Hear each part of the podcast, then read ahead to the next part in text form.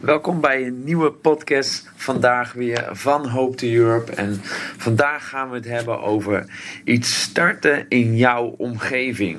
Nou, misschien heb je wel een verlangen of uh, een passie om ooit iets op te zetten of op te bouwen voor de mensen in jouw omgeving. En vraag je nou eigenlijk af van ja, hoe moet dat nou? En wat, wat heb ik nou nodig? En hoe ziet dat er nou uit? En hoe moet ik beginnen daarmee? Vorige week hebben we het daarover gehad van nou, hoe kan jij beginnen in je eigen omgeving? En nu gaan we er verder op in van hoe kan je nou iets starten in jouw omgeving? Of misschien hoe kan je nou iets opzetten waardoor jij mensen mag bereiken? Nou, ik neem je mee ook uh, met een persoonlijk verhaal hoe ik mooi, ja, ooit iets mag opzetten, ook in een lokale omgeving om mensen te bereiken. Maar ook behandelen vandaag de Bijbeltekst Marcus 9, vers 23, waar Jezus eigenlijk zei en ze dieper aan hem eigenlijk vroeg van Jezus, kunt u dat? En Jezus zegt, als u dat kunt, zo met een vraagteken. En misschien wel lachend ook van, nou, uh, voor wie gelooft, zegt Jezus, is alles mogelijk. En dat wil ik je vandaag meegeven. Voor als jij gelooft, dan is alles mogelijk. Geloof doet zoveel met Jezus. Met zoveel met God. Als hij mensen ziet en zijn kinderen ziet die geloven en durven te dromen en uit te stappen. Geloof uh, beweegt het hart van Jezus. Dat is belangrijk. Het is belangrijk en we willen daar uh, vandaag dan ook aandacht aan besteden. Omdat jij in geloof stappen gaat zetten en jij het mogelijke mag voorbereiden en jouw deel mag doen. En dan mag geloven voor het onmogelijk wat God doet. Nou, ik had zo op een dag een keer een verlangen om ooit om een ontmoetingsplaats te creëren voor niet-gelovigen. Om hun uh, kerkdiensten aan te bieden eigenlijk. Waar ze God mogen leren kennen voor het eerst. En we ja, hun, uh, God aan hun mogen introduceren. Dus een, echt een, plek te creëren daarvoor. Gewoon midden in de, in de stad, midden in het dorp, gewoon iets op te bouwen, iets te starten. Uh, een soort van uh, lunchroom of ontmoetingsplek. Nou, ik had er eigenlijk ja, mee gekeken. Ik had dit verlangen en van God gekregen. En ik ging ervoor bidden. En Um, op een gegeven moment dacht ik, ja, hoe moet ik nou starten? Wat moet ik nou doen? Nou, ik neem je even kort mee aan het begin van dit verhaal en dan maak ik het straks af uh, hoe ik daarna heb gestart. Het was zo op een middag begon God ineens tegen mij te spreken. Heel specifiek. Ik was gewoon op mijn kantoor aan het werk. Waar, waar God sprak: Robert, ik wil dat je om drie uur naar deze lunchroom toe gaat. En de eigenaar vraagt van zijn lunchroom of je hier kerkdiensten mag aanbieden wat jij zo in je hart hebt. En ik was wel eens in deze lunchroom geweest en uh, ik kende de eigenaar wel, maar ik geloofde het eigenlijk niet dat dit echt van God was. Ik dacht, nou, dat zal ik wel van mezelf hebben. En ik ging er toch, toch bleef het de hele tijd hangen die, uh, toen God dit sprak. En ik dacht, ik moet daar toch dan bevestiging vragen en toch gehoorzaam maar zijn als dit echt, dat, dat ik dit moet doen om drie uur vanmiddag, dan moet ik daar ook gewoon heen gaan.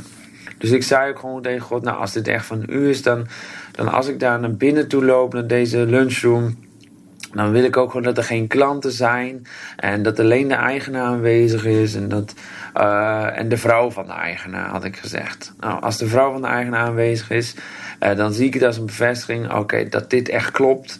En dat, uh, dat er geen klanten zijn. En dan, dan ga ik het ook echt vragen. Want ik ja, was best wel bang. En ik dacht, nou ja, ik weet ook niet, weet je, ik ga dat niet zomaar vragen.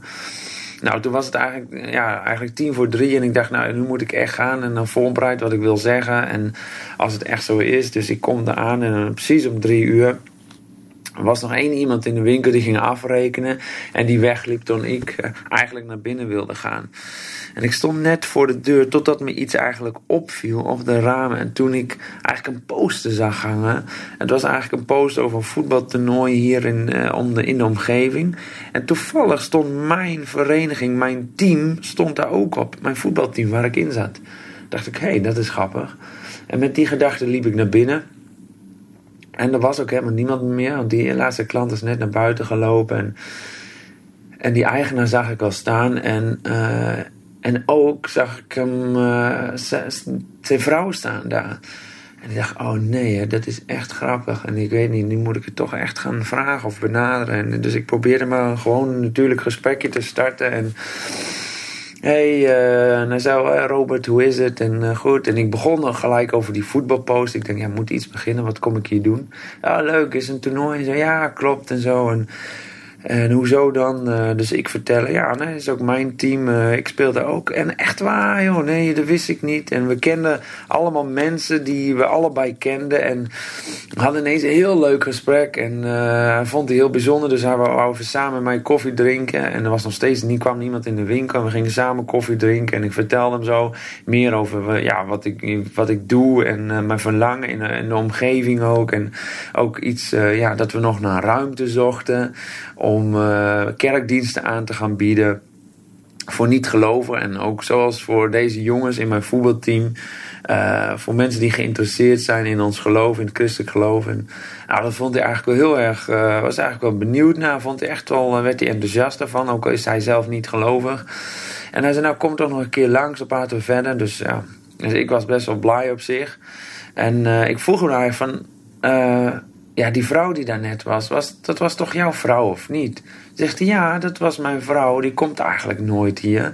Maar ze was nu iets vergeten toevallig, eh, wat ze moest ophalen. Maar normaal gesproken komt ze nooit hier. Dus ja, dan moest ik een beetje lachen en zo. En toen ik naar huis ging, dacht ik, oh wauw, dit was echt van, van God gewoon voorbereid. En ik ging naar huis en uh, ja, twee dagen later hadden we nog een keer gesprek met mijn vrouw samen. En gingen we meer concreet over praten, hoe dat dan kon. En... Uh, hij zei, nou, ik kan me wel zoiets voorstellen op zaterdagmiddag, zoals jullie dat willen. Als wij sluiten om vier uur, dan kan jij gewoon hier die lunchroom gebruiken.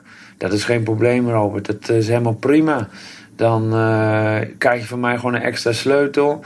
En elke zaterdagmiddag om vier uur, als ik wegga, mag jij hier de hele boel gebruiken. Ik zal je gelijk even uitleggen hoe de koffiemachines werken. En dan kan je gewoon je klanten ook en de mensen die komen gewoon koffie aanbieden. En uh, zo gewoon gebruik maken van alles. Je hoeft ook niet schoon te maken of niks. En ik hoeft er ook geen geld voor. Kan je gewoon gratis gebruik van maken voor jou om kerkdiensten te doen. En ik dacht, wauw, het is onvoorstelbaar. Ik kon het niet geloven. En het was zo voor mij zo onmogelijk, zo onrealistisch voor een verlangen dat ik had. Uh, dat we gewoon konden starten met kerkdiensten in de buurt, in een lokaal café, in, een lunchroom. Wat uh, alle niet-gelovige mensen ook uh, kenden, omdat het gewoon een, een, plek was waar iedereen gewoon kwam wekelijks om koffie te halen.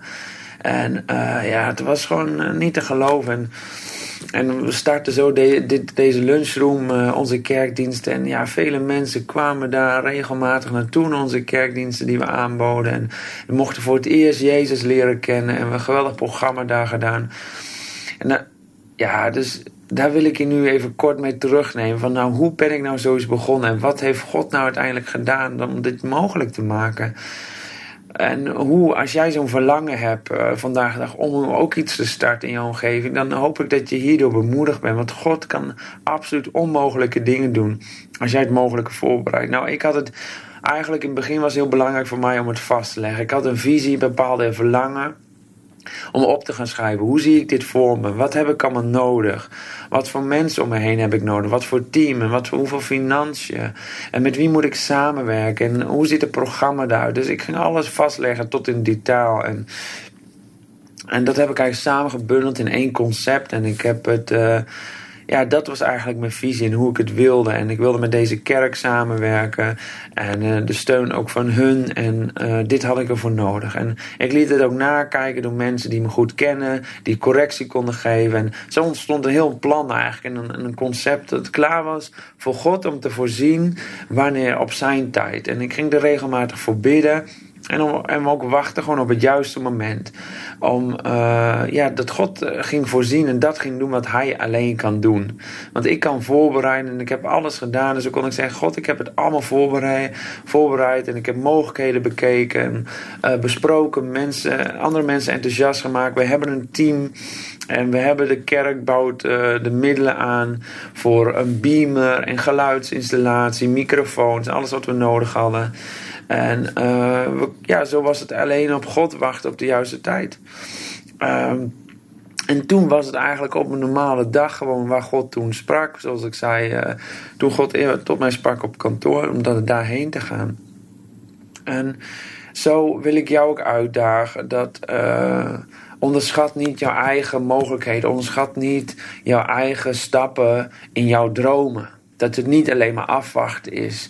Dat het God een keer doet en je moet gewoon verder gaan met de dingen die je doet. Maar jij mag stappen zetten vandaag de dag om je visie vast te leggen. Je verlangens op te schrijven. Dingen, schrijf het op. Hoe zie je het voor je? Wat heb je nodig? Laat het door anderen bekijken. En bid er regelmatig voor. Benader je kerk of mensen om je heen waarmee je het samen wil doen. En bereid het tot in gewoon details voor. En dan is het gewoon wachten tot het God het onmogelijke gaat doen. En dat gaat geven wat alleen Hij kan geven. Nou, daarmee wil ik je bemoedigen. Als jij iets wil starten, als jij iets wil opzetten of opbouwen in jouw omgeving, maak dit plan, maak dit concept. Begin waar je kan beginnen en laat God het onmogelijke mogelijk maken. Nou, bedankt voor het luisteren. Ik hoop dat je bemoedigd bent en dat jij ook dat mag gaan starten wat in jouw hart is. Tot de volgende keer.